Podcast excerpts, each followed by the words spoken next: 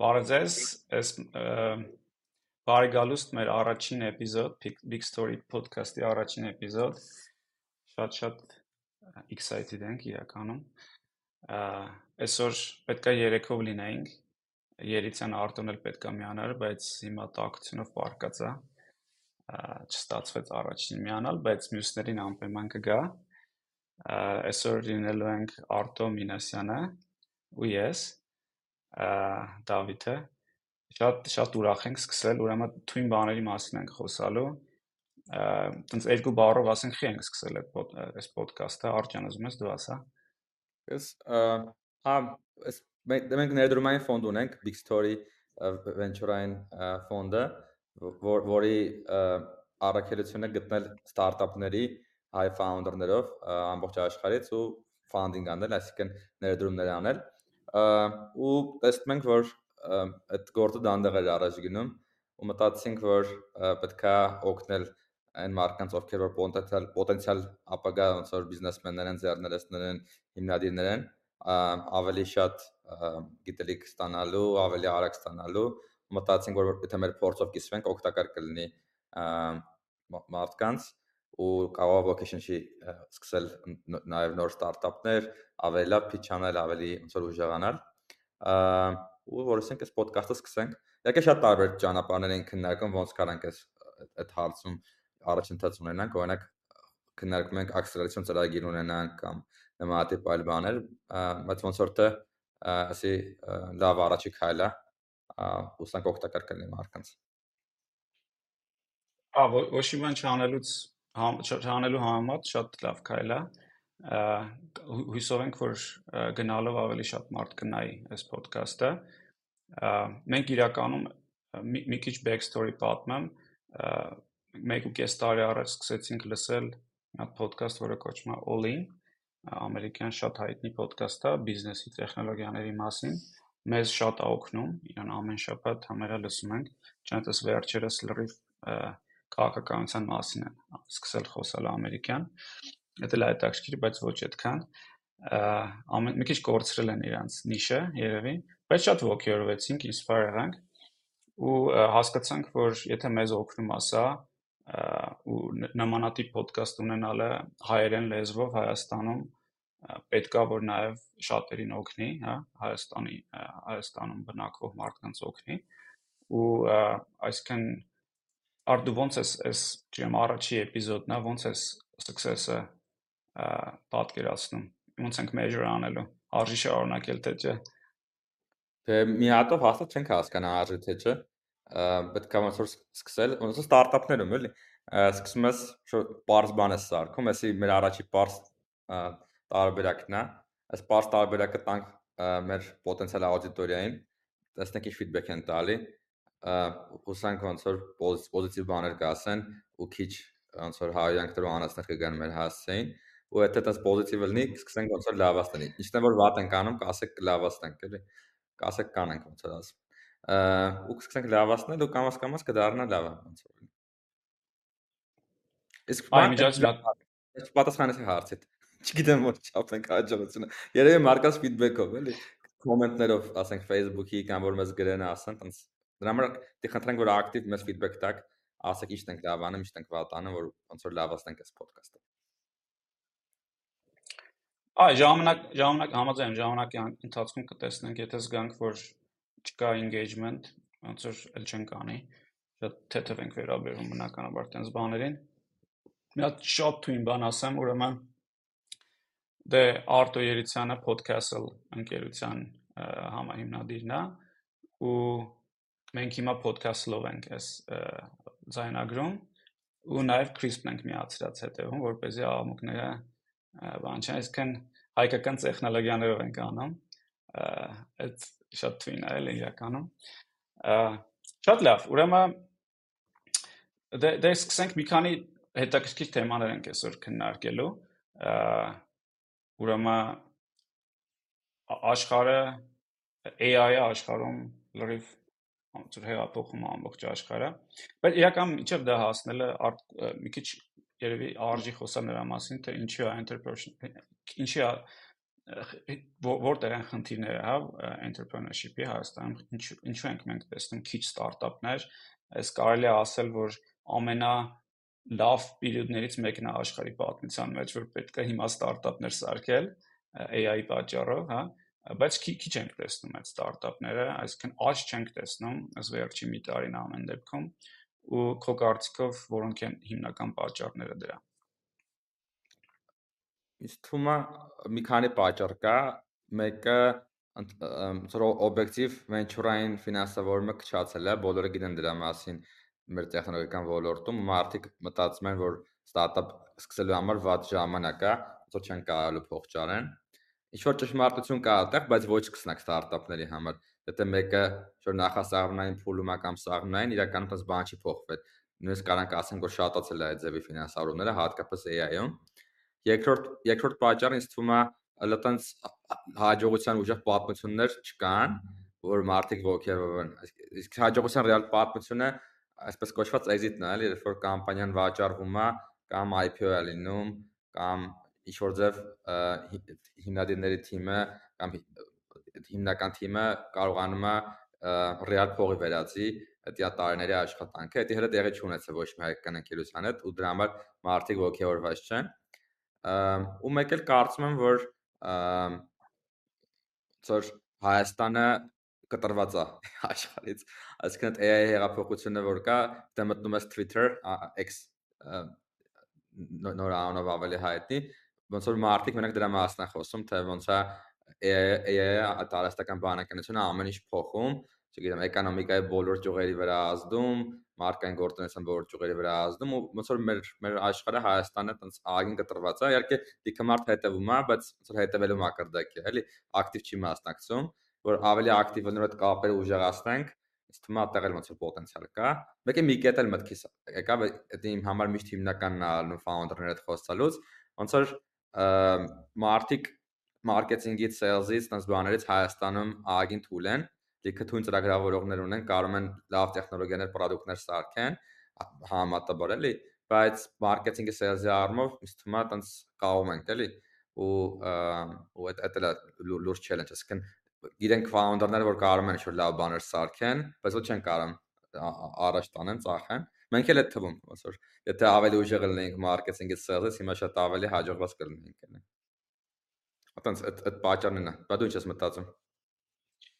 հաստատ իհարկե կիսում եմ այդ պատճառները մի երկու բան էլ ես ավելացնեմ նախ ասեմ որ ցանկացած պետության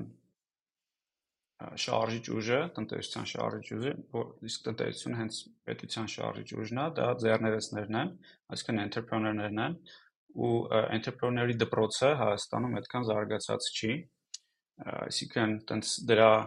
բան պատմությունը կա, երևի, չգիտեմ, սովետի ժամանակ այդ ոնց որ ժուլիկ էին համարվում իրանք, որտեղ ընդհանրապես համակարգը դա թույլ չէր տալիս։ Պատժում դրա համար։ Հա։ Բայց քանի որ կապիտալիզմում ենք ապրում, ազատ շուկայում ենք ապրում, հենց իրանք են շարժի, շարժի։ Իրանք են այն մարդիկ, ովքեր տնտեսական արժեք են ստեղծում ու պետությունը ամեն ինչ պետք է անի իր որ զարգացնելը, բայց մենակ պետությունը չի, հասարակությունը ու մենք բոլորս պետք է ամեն ինչ անենք, որ այդ մարդիկ ավելի շատանան ու մի հատ sense էս վերջերս բան էի կարդացել, որ դուրս եկել է տենց որ մտքումս որ վիզուալիզացնում եմ, ասում է ասում է պատկերացրու մի հատ sense աշխարհ կա, որտեղ ոնց որ մարդկության տնտեսական արժեքներ ստեղծելու բոլոր տենց լավագույն իդեաներն են այնտեղ այսինքն ստարտափերի լավագույն իդեաներն են այնտեղ ու բայց այդ ճանապարհը դեպի այդ աշխարհ ամբողջովին բանա ականապատված է այսինքն ավոր դժվար է իրանց հասնելը։ Հիմա ասում եմ entrepreneur-ները այն մարդիկ են, ովքեր ինձ մոտորապես տեսն ինչ որ իդեա են տեսնում, կարողանում տեսնել այնտեղ ու այնքան իրանց մեջ բան ունեն, leadership ունեն, հա, ու դուխ ունեն, որ կարողանում են մարդ թիմ հավաքել, համոզել, որ այդ իդեան կա այնտեղ, բացատրել, justify անել ու հետո թիմի հետ այդ ականների մեջով անցնել, տրակել, տենց կիսամեռած վիճակում հասնել այնտեղ ու այդ ժամանակ է տևում, հա 10 տարի մինիմում, մինիմում չէ, մոտարապես տևում, ու այդ զրկանքներ ու դիսկոմֆորտ, ռիսկ, ստրես ու այդ ամենի մեջով պետք է անցնել։ Այսինքն այդ մարդիկ բավականին ոնց որ ունիկալ են, հա, ու այդ մարդկանց քանակը պետքա, եթե դու շատացնում ես, դրա համար ասենք Դուբայի նման քաղաքները ինչ ծրագիր ասես ունեն, որ դրսից entrepreneur-ներ իրանց մոտ բերեն, որտեվ գիտեն, որ դա է զարգացնել իրանց տնտեսությունը։ So, մի խոսքով sense երևի բարձ է, այդտեղ ուրիշ լիքը ուրիշ պատճառներ կան, հա, սա։ 90% լավ պատկերավոր ոնց որ կինո նկարագրեր, բայց մի հատ բանի հետ կտրուկ համաձայն չէ։ Այդ որ ասում ես տես idea-ին ունենում գնում են, իսկ թվում է ընդհանրապես idea-ները ոչ մի արժեք չունեն, Պոլ Գրահամը իշոց մի անգամ քննարկում ենք, բայց հավես միտքեր ասում, ասում է, եթե idea-ները արժեք ունենային, շուտ իրենց բան ներկայացնեին նյութական, ապա idea-ները շուկա կլներ, բորսա կլներ, մարդիկ այդտեղ կծախեն կառնեն idea-ները, բայց չկա։ Հետևաբար տենց idea-ն ուղղակի հիմա ես կանեմ քեզ 100 միլիարդ դոլարանոց idea ասեմ, ասենք չգիտեմ, այս գեյմերի հիվանդությունը բուժող դեր սարքի, idea է էլի, բայց կարաս այդ execute անես, կարաս սարքես, բարձա չես կարա, դա համար տենց idea-ները մեծ հաշվով ընթացքում քո ոնց որ պրոստը տեսլականում գնում ես ինչ-որ ուղղության մեջ, ընթացքում ձևավորվում է, էլի ինչ է սարքում, ինչ է սանում։ Ասենք նույն կրիսպը, չէ՞, հիշում ես որ սկսել ենք այն ժամանակվա idea-ի մենք ենք սարքում, երևի տենց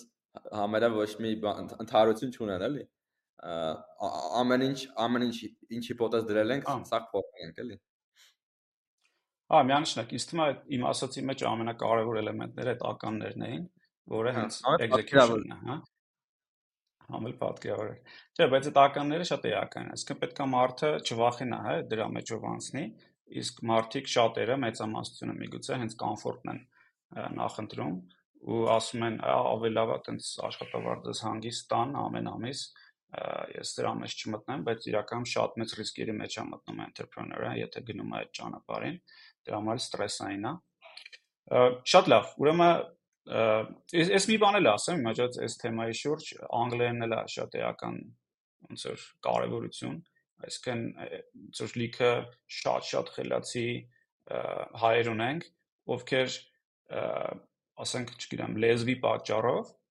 ու շատ իրանք ձեռներեցան տեսանկյունից շատ լավ ուժեղ են, բայց լեզվի պատճառով ու ամերիկյան բիզնես կուլտուրան չիմանալու պատճառով ոչ թե այդպես որ մեղավոր են դրանք, ուղղակի չեն տեսել, չեն շփվել, դրա համար էլ չունեն։ Իրանց համար շատ-շատ դժվար է լինում ամերիկյան ներդրումներ ստանալ, որը որ ակնհայտ է, եթե ինչ-որ ամերիկացին ուզում է ներդրում կատարի, չգիտեմ, Ստենֆորդ ավարտած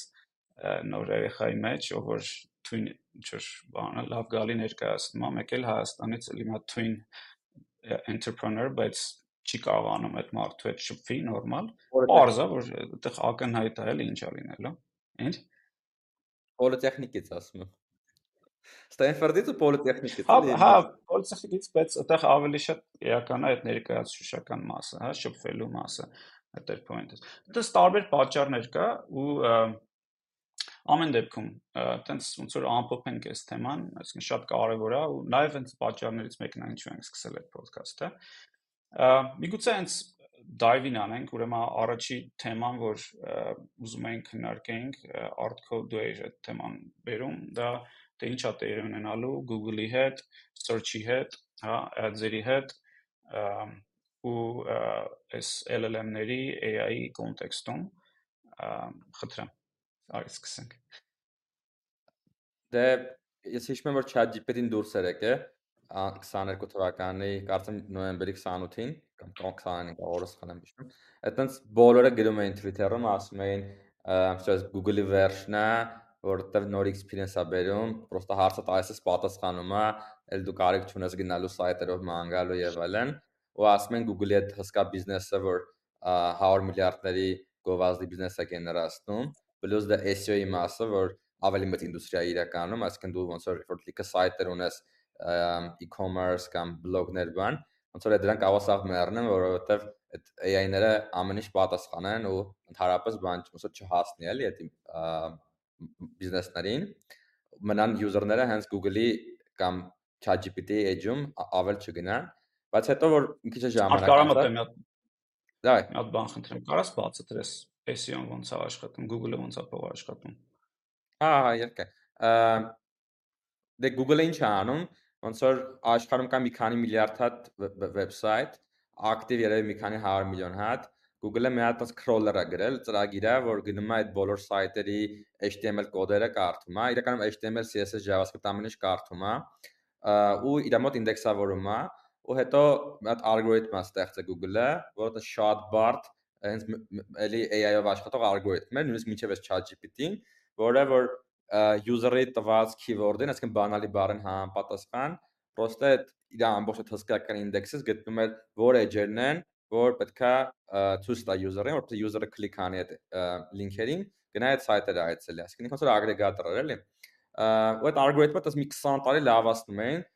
հարյուրավոր պարամետրից է այդ ալգորիթմը կախված, ասենք user-ը ինչքան ժամանակ այդ սայթում անցկացնում, title-ները, վերնագրերը, այդ edge-երը ինչ են, content-ը ինչ տեսք ունի, նկարները ինչ որակի են, ամեն ինչ կարևոր է, էլի ոնց որ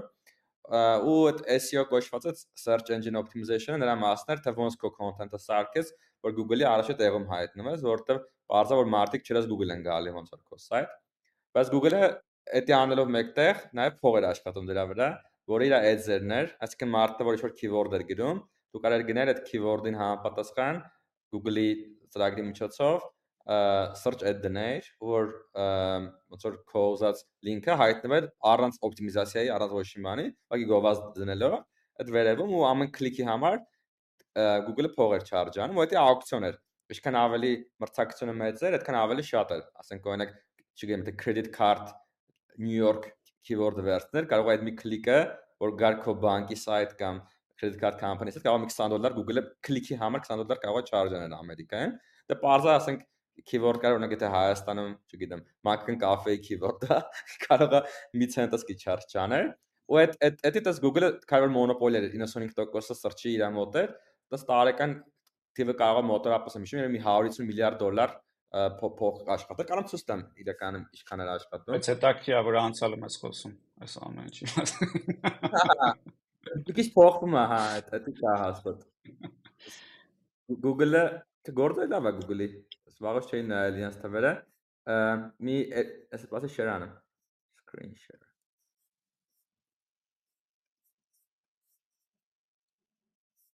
Նստում ես էկրանս։ Ահա։ Աս Google-ը ասես գիգանտ է, որ 282 միլիարդ դոլար ոնց որ գումար է գեներացրել revenue, վաճառքներ, ու սրա շատ մեծ մասը, կարծում եմ երեք մի 60%-ը գեներացնում էր հենց Google search-ից, այսինքն երբ որ այդտեղ գրում էր, իմ credit card,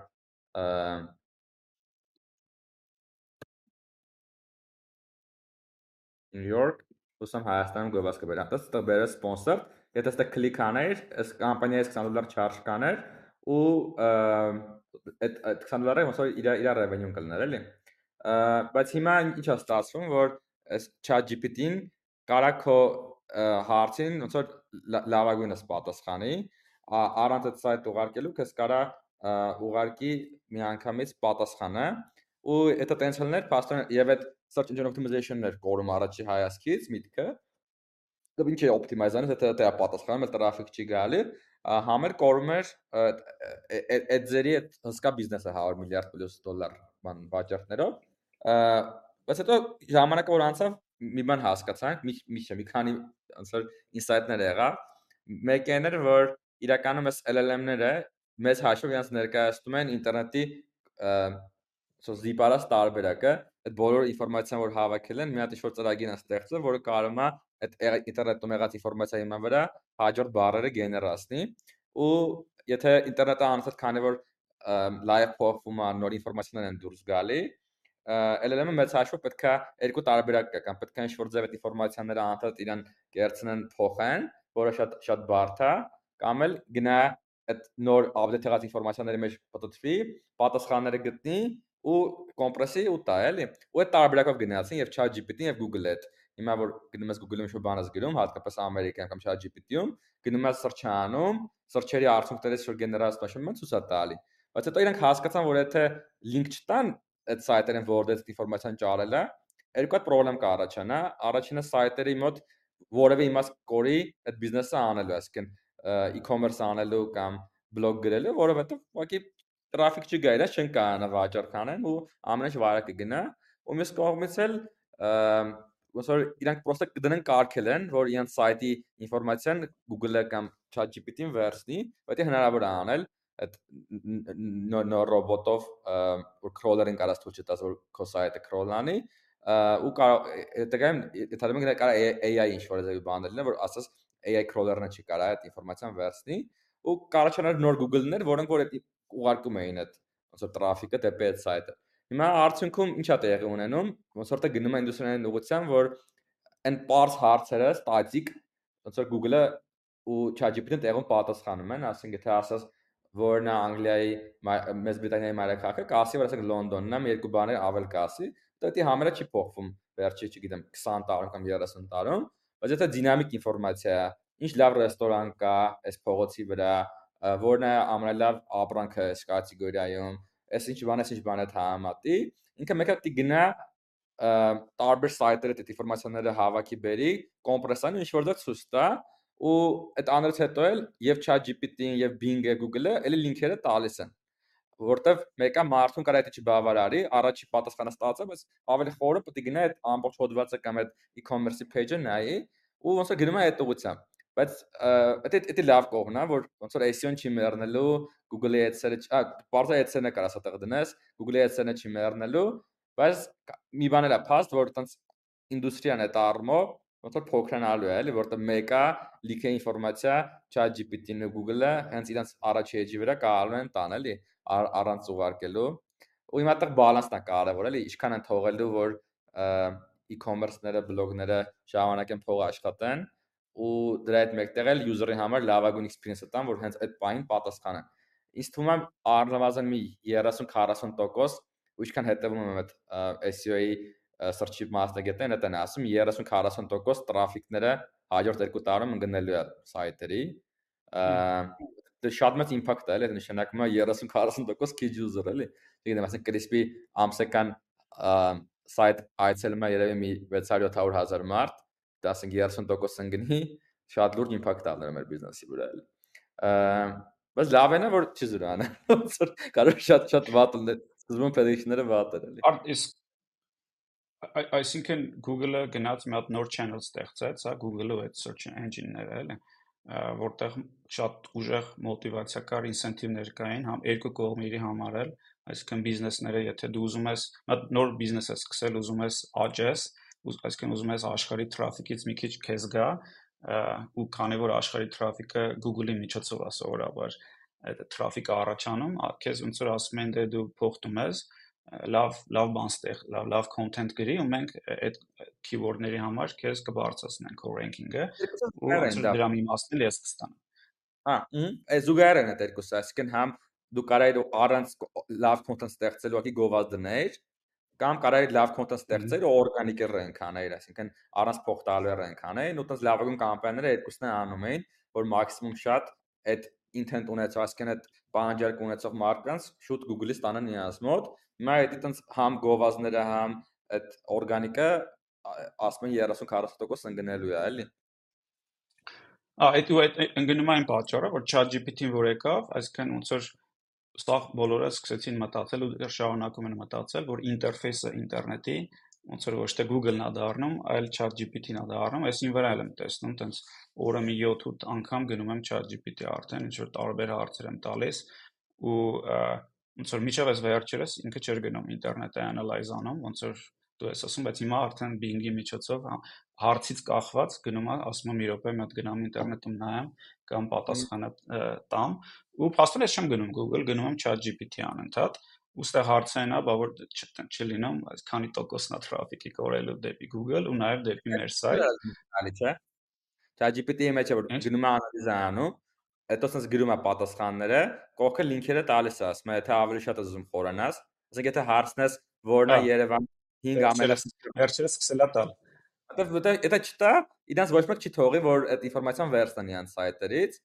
ասենք եթե ասես որն է Երևանի 5 լավագույն սուշի ռեստորանները, դա մենակ կա շո բլոգներ, շո մեկը գնացել է ձեռով փորձել է չէ սուշիները, շո ռիվյու է գրել, ու տենց այդ մեծ սայթում դա գրած է, ChatGPT-ի որոս պետք է ամանա, պետք է գնա այդ սայթը crawl անի, ու այդ սայթին ինքը չուղարկի մարդկանց, այդ սայթը ինսենտիվ չունենա, որ թողի որ ChatGPT-ը ինֆորմացիան վերցնի, էլի իր ամբողջ։ That's իսկ քո կարծիքով ChatGPT-ին դրանից փող աշխատելու է ժամանակի ընթացքում։ Հիմա լրիվ ուրիշ ձև է ChatGPT-ին փող աշխատում, այսինքն subscription based է, դու իրան ես փող տալի պրամայ։ Այս Google-ը խեր տեն successful, որտեղ մարդկանցից փող չեր ուզում, բիզնեսներից էր փող ուզում։ Այս էլ է շատ հետաքրքիր հարց էլի, այսինքն 30-40% revenue-ի ընկնելը ինչով են կոմբան անելու էլի հետ բերելու։ Այսինքն Google-ն էլա փողով դառնալու ինչ որ բաներ։ Դե ինչ ես կարծում, շատ հետաքրքիր հարց է էլի։ Դե հայտնի է չէ՞ որ ChatGPT-ն ու նաև էս Google-ի AI-ն էլ ամեն search-ի համար եթե պատասխան ա գեներացնում, դինաս վրա ագին թանգ է նստում Ճիշտ այդ գինը իշտում է ժամանակի ընթացքում, բայց մեկը թանկ է, ու այդ սաղ search-երի համար AI-ով ինչ-որ բան գեներացնեն Google-ը։ Դրանց կարող է ոչ միայն revenue-ն իշտի, այլև 13 միլիարդների ծախսը ավելանա։ ու ոնց որ ինձ թվում է երկուսները լինելու է, այսինքն համ search-ի միջոցով գովազդեն կարողանալու դնենք այդպես փող աշխատելու բիզնեսներից, դա մնալու է հիմնական revenue-ն, էլի, որտեղ մեկը ոնց որ սպառողը փողը ծախսում է,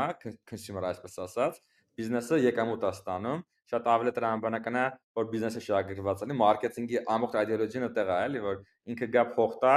որ ինքը ավելի լավ տեղում հայտնի, հա, բիզնեսը, քան թե ասենք consumer-ը տա։ Հիմա ChatGPT-ին կարացել է, չգիտեմ, քանի է paying user ունեն, երևի մի քանի միլիոն, հա, եմ մի Չէ, շատ շատ են, մի 100, չէ, մի 10 միլիոն հասնում է։ Որտե մի միլիարդից ավել է արդեն revenue So API-ից են ստում հիմնական փողը աշխատում ամեն դեպքում որ։ Դե ամեն դեպքում ասացնա որ 20 դոլար ամսական մարկանցից վերցնելով ու էլի էլի էդի միջալոցն է որ պլյուսով են իրանք, կարող 20 դոլարից միջինում արդյոք ավելի շատ ծախսեն։ Իսկ այնտենց այդ այդ մոդելին ստումա այդքան լավը չի, որտեվ ուղղակի ինսենտիվների տեսանկյունից, եթե ես օրինակ սուշի ռեստորան եմ, ես միշտ պատրաստ կլինեմ փող տամ, որ իմ մոտ կլիենտ գա, Google-ի մոդելը ինձ թվում է բիզնես տեսանկյունից ավելի տրամաբանական է, էլի, քան թե որ որ user-ը փող տա, որ ինքը գտնի լավագույն սուշի ռեստորանը, էլի։ Դե միգուցե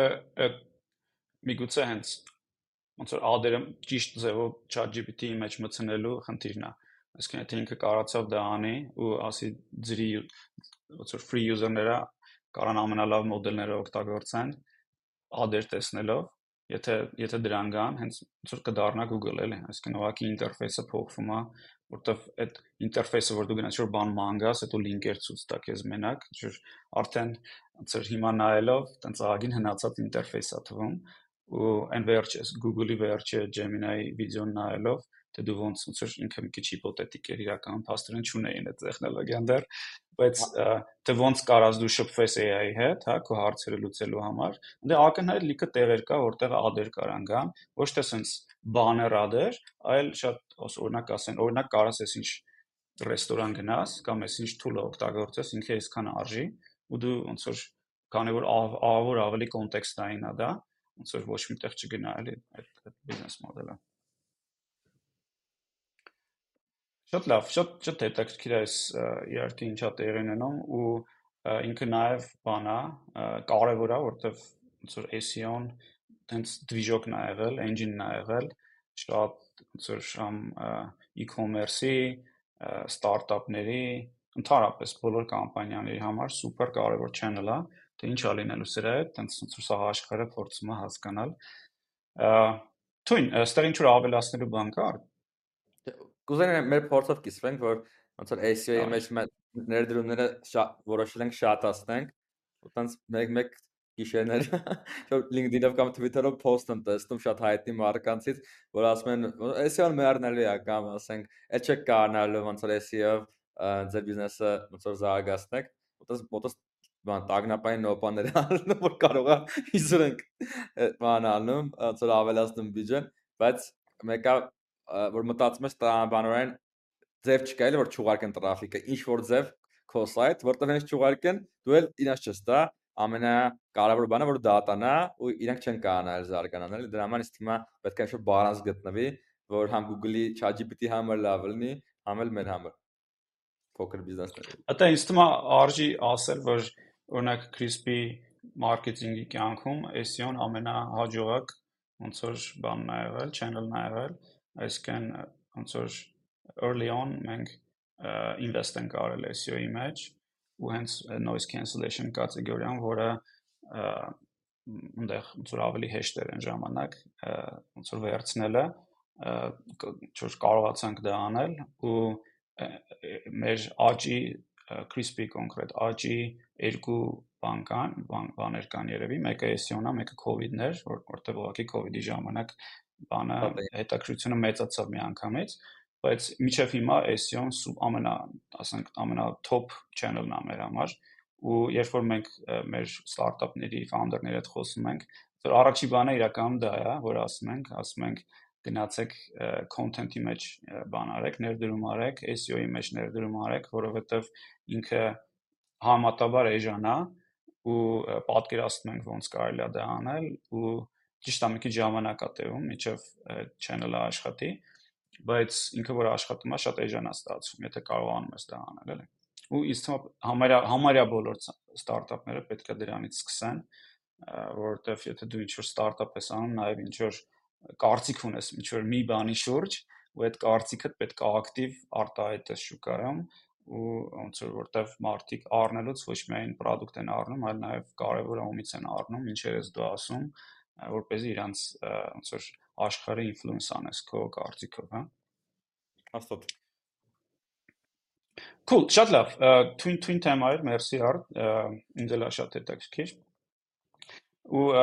իրական երկրորդ թեման, որ ուզում էինք խոսայինք, դա բանն է, ոնց որ շատ էլի պոպուլյար թեմա է, այս AI-ից հետո, մանավանդ հենց ծրագրավորների աշխարհում, թե ինչ ա լինելու ծրագրավորների հետ, արդյոք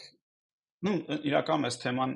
բոլոր մասնագիտությունների վերաբերվում, հա ոնց են մասնագիտությունները ձևափոխվելու, տրանսֆորմացվելու AI-ից հետո, այդ ոնց որ ամբողջ աշխարհին է հետաքրիր ու մարդիկ սովորաբար կարելի ասել չունեն դրա պատասխանը, քանի որ հələ չեն հասկանում տեխնոլոգիան ուրա գնալու, ամեն ամիս փոխվում է այդ կարծիքը, ու կոնկրետ մասնարարպես մի հատ վիդեո էի նայել երեք ու որը կոչվում է large language language models and the end of programming. Սա նույնիսկ կարող եմ երևի share անել որ բարձ լինի ինչի մասին է խոսքը այհեսա այս վիդեոն է ուրեմն այս վիդեոն տենց մի ժամանակ վիդեո շատ շատ recommend կանեմ նայել իրան ինքը այս Matt Welch-ի կողմից է ասում, ինքն է խոսում, ինքը computer science professor է եղել Harvard-ում ու հետո մի քանի ստարտափներում founder է եղել, Apple-ում է աշխատել, Google-ում է աշխատել եւ այլն, շատ հետաքրքիր տիպ էր։ Ուրեմն ինքը պատմում է, թե ինչա իր պատկերացմով ինչա տեղի ունենալու, ոնց են մարդիկ սկսելու ծրագրավորել ապագայում։ Ու ճիշտ է, սրա մասին շատերն են խոսում, բայց ինքը բավականին ունիկալ կարծիքներ ուներ։ Դրա համար որոշեցի, որ ոնց որ ինձ էլ շատ հետաքրքրեց մի քանի միտք է ասում վիդեոյում, ասում է, որ առաջի առաջի գաղափարը այն է, որ ոնց որ computer science-ի հիմնական նպատակը միշտ եղել այն, որ մենք ինչ որ իդեաները translate անենք ծրագրերի, հա, ոնց որ դա computer science-ը ու ոնց որ վերջի 50 տարին կարելի ասել ֆոկուսը միշտ եղել այն, որ գիտեք, այս իդեայի շուրջ է եղել, որ ծրագրավորումը դա ծրագրավորում են մարդիկ, հա, ծրագրավորողները, հետո այդ կոդ, այսինքն կոդը գրում են մարդիկ, հետո այդ կոդը maintain են անում մարդիկ, հա, ծրագրավորողները, էլի։ Ու հետո այդ կոդը հասկանում են հենց նույն մարդիկ, ծրագրավորողները, այսինքն կոդը ամբողջովին ծրագրավորողների համար է, մարդկանց համար է, մարդու ուղեղի համար է։ Ու այսինքն ինչքան լեզուներ են նոր ստեղծվել ծրագրավորման մեջ, որ այս process-ը հեշտացնելու համար են եղել, այսինքն գրելու, maintain անելու, հասկանալու կոդը համար են եղել, որովհետև ու նաև էկոնոմիկան է դրա շուրջ եղել, որովհետև ոնց որ կախված նրանից թե ինչքան է քո թիմը կարողանում լավ գրի, լավ հասկանա, լավ maintain անի,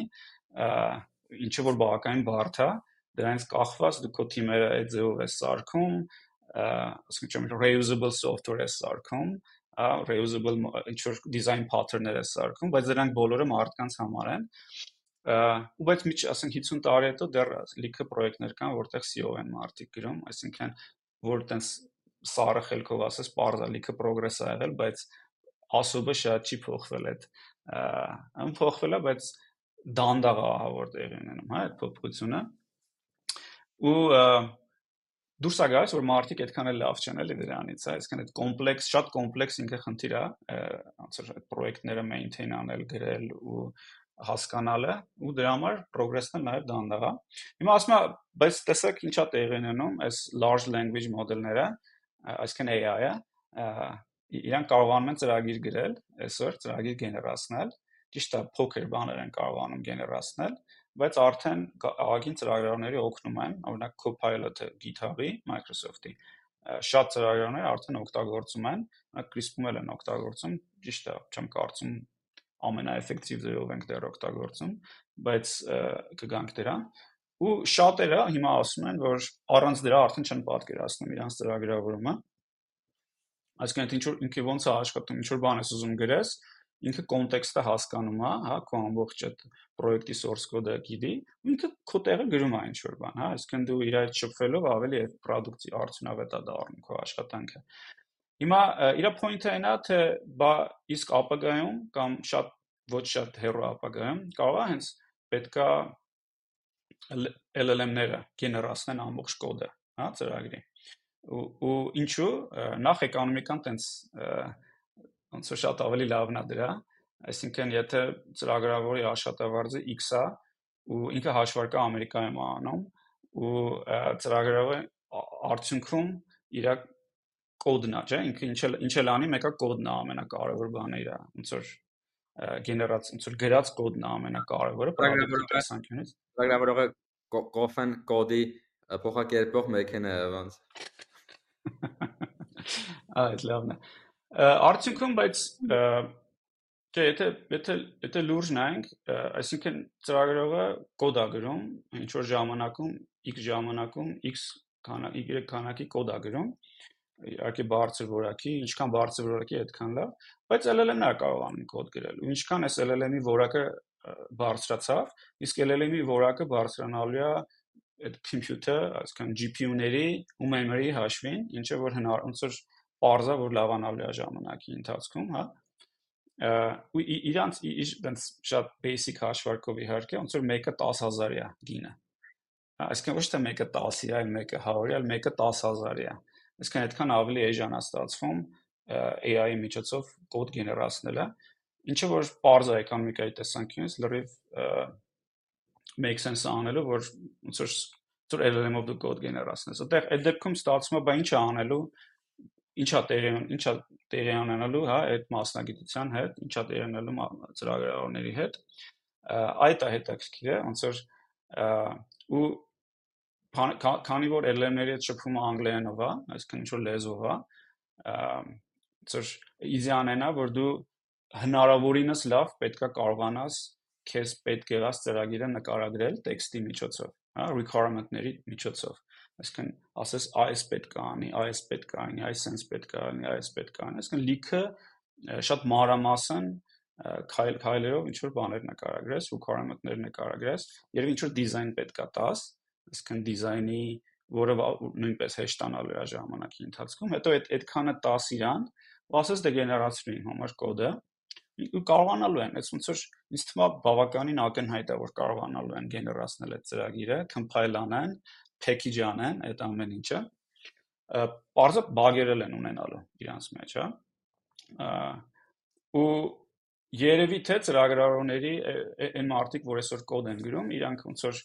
մի քիչ իրանց գործը փոխվելու է, իրանք նախ պետք է ավելի շատ մոտենան product-ին,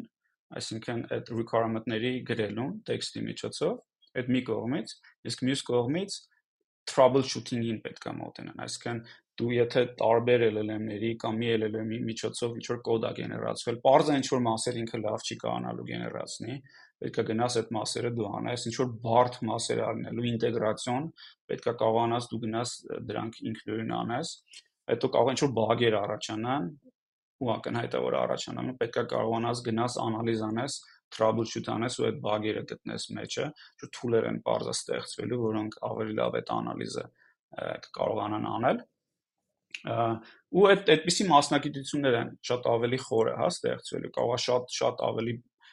ոնց որ բարձր վարձատրվող, որտեղ եթե այս կոդի գեներացիան ահավոր էժանացել է, parza ոնց որ որակը բանը, իր կարևորությունը մեծանալու է շատ։ Ու այն որ տրանսֆորմացիա է մեծ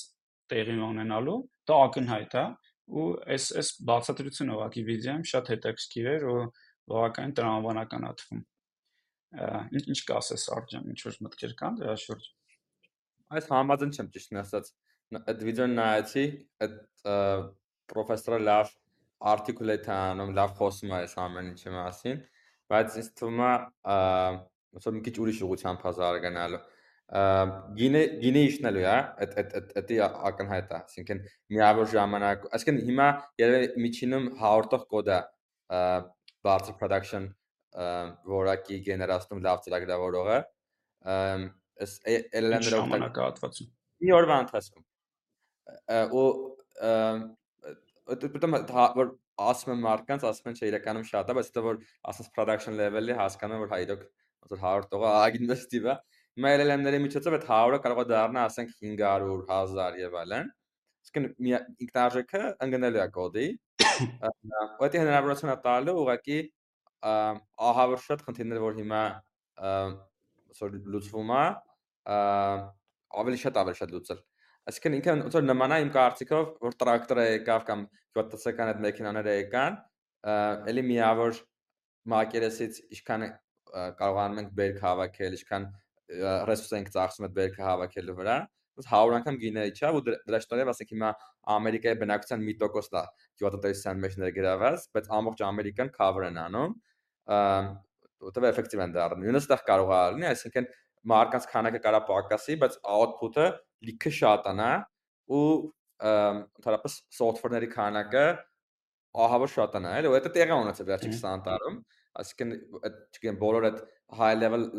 լեզուները, framework-ները բերել են դրան, որ արագացել է իրականում այս LLM-ները կարան 10 անգամ էլ կամ 100 անգամ էլ արագացնեն, բայց ասածն է որ այնքան շատ խնդիր կա լուծելու, որ ծրագրավորողների հիմա դեֆիցիտ է միջև հիմա էլ միլիոնավոր ծրագրավորողների կարիք կա ամբողջ աշխարհում ու եթե SLM-ները լավ լավ մտնեն գործի մեջ կարան ասենք 10 անգամ շատանան ու ու սոֆթվերների քանակը ու լիքտեղ ոնց որ ավտոմատացվի լավանա ոնց որ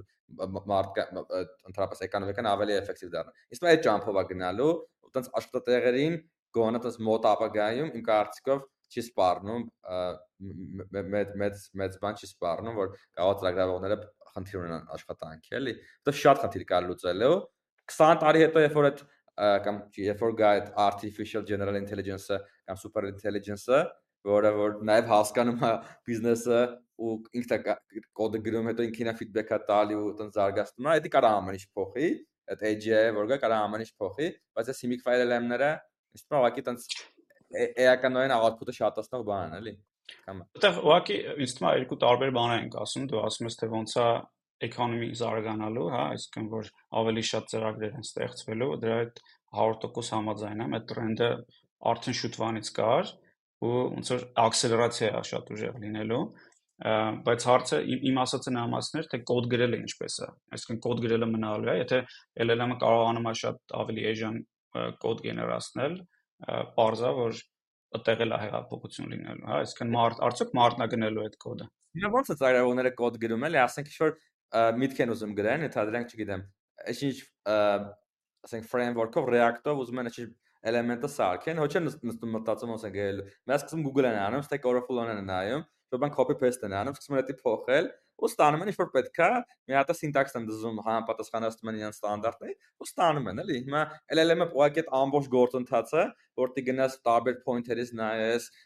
copy paste անես, դզես փչես, դու ուղղակի ինստրուկցիաներով այդ նույն բանը ինքը արդեն իր մեջ քանի որ հավաքած կա, քեզ մի անգամից գեներացնելու է, էլի։ Այսինքն ասածն է որ LLM-ը ուղղակի էականորեն արագացնում է, բայց այդ ծրագրավորողների գործի էությունը, որը սկզբի այդ քո ասածներ, այսինքն ալգորիթմը ID-ան վերածել կոդի, դա դա մնալու է, էլի։ Այսինքն մինչև AGI չեմ կարող։ դες իսկ մաստեղ շատ լուրջ բան է, էլի փոխվելու։ Այսինքն լիքը ծրագրավորներ այսօր իրանք ոնց որ կոդ գրելու համար են պատասխանատու, հաճախ չեն հասկանում requirement-ները, չեն, իրենց նույնիսկ կարող է չհետաքրքրի այդ requirement-ները, հա, ասում են դե մենք կոդը կգրենք, դուք ասա ինչա պետք անել, ես կոդը կգրեմ։ Այդ իրականում LLM-ը անելու էլի։ Այսինքն այն ճանապարհը ծրագրավորողից դեպի product ու նույնիսկ ես կասեի դեպի marketing արդեն սկսել է կարճանալ, մենք այդ տրենդը տեսնում ենք, հա։ Այսինքն product marketing-ը մոտեկանում է խորը այդ ինժեներական բաներին, իսկ ծրագրողը պետքա մոտիկանա product marketing-ին, ու ես ես ոնց որ ավելի ան նեղանալու ժամանակի ընթացքում։ Այսինքն եթե ես կարող եմ գնամ ասեմ, գիտես, ինչ ես Crisp-ում ես ինչ feature-ն եմ ուզում, ու ու տեքստով նկարագրեմ ինչ եմ ուզում, այսինքն այդ tool-ը լինի, որ հետո սխմեմ եմ, մեկ էլ մի հատ պրոտոտիպ գեներացնի աշխատող Crisp-ի մեջ, այսինքն մի րոպեում դա գեներացնի, տա, բնականաբար այդտեղ ռոլերը փոխվում են այսինքն այն մարդիկ ովքեր կարողանան հստակ ձևակերպեն ինչա պետք շուկային չէ ու կարողանան դա արագ բերեն շուկա ոնց որ այդ մարդիկ են կարողանալ արագ ոնց որ այդ արագությունը լրիվ համաձայն եմ որ կարճանալի է դա բայց բերելու է նրան որ մարդիկ պետքա ավելի ֆոկուսավորվեն ոնց որ գեներացված արժեքի վրա արդեն այդ ճանապարհը պետք է փոքրանա քան թե հենց կոդ գրելը ու սրա մասին է այդ վիդեոն համաձայն եմ։ է նաև լիքը մարդ, որ հիմա coding չի անում, այս LLM-ներով կարողանում է simple բաներ ինքն իր ձեռով ավտոմատացնել։ Դա շատ powerful է։ Իսկ դու կարաս այնօր մետ բան է ուզում անել, ոնց որ podcast-ը հաուրած site կա, այդ ամեն site-ում պետք է գնայի իրաց pricing table-ի ինֆորմացիան վերցնեի ու մի հատ database-ում գրեի, ու դա ձեռով եթե անեի, կարող է ասենք երևի մի 6 ժամ լներ, եթե փորձի այդ կոդը ես գրեի, կարող է մի 3 ժամ լներ, LLM-ով տևեց ասենք երևի 20 րոպե ու ու տես նորմալ ոնց ստացվեց էլի շատ շատ ոնց որ powerful էլի ու այդ կոդը որ ինքը գեներացրեց տենց պրոստը հասկացա ինչա գրած բայց ասենք եթե ես փորձեի դա անեմ հա շատ դժվար է լինելու իմ համար որտեղ ես ծրագրավորող չեմ ու ոնց որ դանդաղ կամ էլի նույնիսկ ծրագրավորողի խնդրեի էլի մի քանի ժամ տևելու էր էլի իսկ ասենք ուղղակի պետք էր թափով ստացա էլի ամյաց ստարտափ կա Replita կոչվում, այդ հենց YC-ից դուս եկած տենց ահագին լավ աճող, ոնց որ ծրագրով ծրագրավորների պլատֆորմա է, էլի, որտեղ դու կարաս գնաս, ինչ որ web browser-ի մեջ այդ soft tooling-ը տալիս է, ու իրանց mission-ը կոչվում է bringing next billion programmers to to to market էլ ինչ որ sense ման it's որ առաջ անգամ կարծ միլիարդի պետքա մի միլիարդ մարդ ծրագրավորվի բայց իրական այս կոնտեքստում հենց տենց էլ լինելու է այսինքն մարդիկ իդեայից դեպի production դեպի deployment շատ արագ է այսինքն այս բանը շատ կարճանալու է ու ցանկացած մարդ աշխարհում ով որ լավ իդեա ունի ու software աշխարհում հա ծրագրային ոլորտում կարողանալու է դրան հասնի ու հենց սրա մասին է խոսակցությունը որ բատեղ որնա ծրագրողի դերը, չէ՞։ Իսկ այս ծրագրողի դերը լինելու է այդ product-ների troubleshooting-ը շատ ուժեղ, ինտեգրացիան, որոնք լուրջ architecture խնդիրներ ա էլի այդտեղ, որտեվ ամեն ինչ այդքան սահուն չի տեղանալու, քանի որ կոմպլեքս է աշխարհը։ Երկրորդն էլ պետք է իրան կարողանան գնան այդ արտենիդիաների աշխարհ ու user-ին ավելի լավ հասկանալու աշխարհ, հա, ուտեղ value ու storytelling-ի աշխարհ էլ այդ այդ vision-ը որ այդ ստարտափունը հետաքրիր է, ըստ Tenweb-ի vision-ի մասն է մտածում ես վերջերս, ու տենց մի հատ idea է եկել, որ Tenweb-ի vision-ը կարող լինի, որ աշխարհը մլի 1 միլիարդ entrepreneur, 1 միլիարդ ոնց որ ձեռներեց, ոնց որ մի level վերև էլի իրանց, որտեվ եթե պատկերացրու մարդը կարող է ինքը կոդը գրի,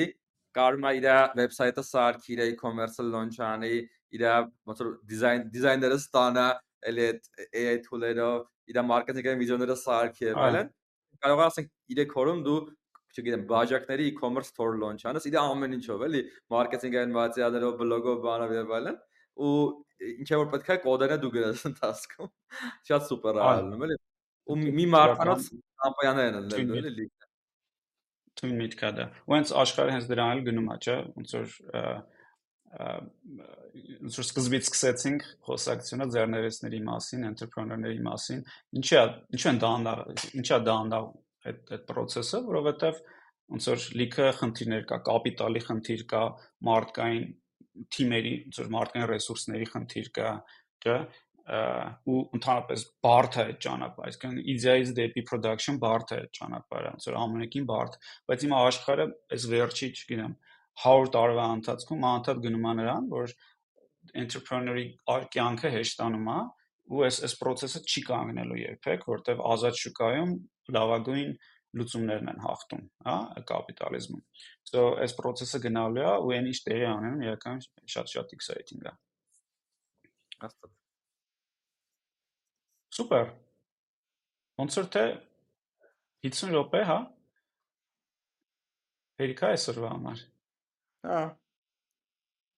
Այնց շատ հետաքրքիր էր ամեն դեպքում, ինձ թվում է մի բան էլ է, դա իրական ասեմ իմ իմ ցանկություններից մեկը նաև այն է, որ ասես մի հատ ֆորմատ լինի, որտեղ այսպիսի իդեաների մասին կարող ենք հետաքրքիր զրույցներ ունենանք, որտեղ սա անելով դու նաև ավելի շատ ես Խոսալը մտածել է, չէ՞, ու ոնց որ ես խոսալու ընթացքում նաև մտածում ես, ավելի լավ ես կարողանում հասկանալ մտքերդ ու արտահայտել մտքերդ։ So, տեսնենք։ Եկե պետք է շաբաթը մեկ երեկով կանենք։ Այդ լավ ինձ է գալի։ Այս ստիլի մեջ է։ Սկզբում որ որոշում ենք էսի անենք, ասենք դե ոնց պետք է անենք։ Դավիթին ասել է ճիշտը ոնց որ շաբաթը մեկ անելն է, որովհետև տենց YouTube-ը սիրում է որ շաբաթը մեկ են լոնչ անում ու նորություններն շաբաթային ոնց որ ցիկլ ունեն։ Դες բոլորս համաձայնվեցինք, գրեցինք որ պետք է շաբաթը մեկ անենք հետո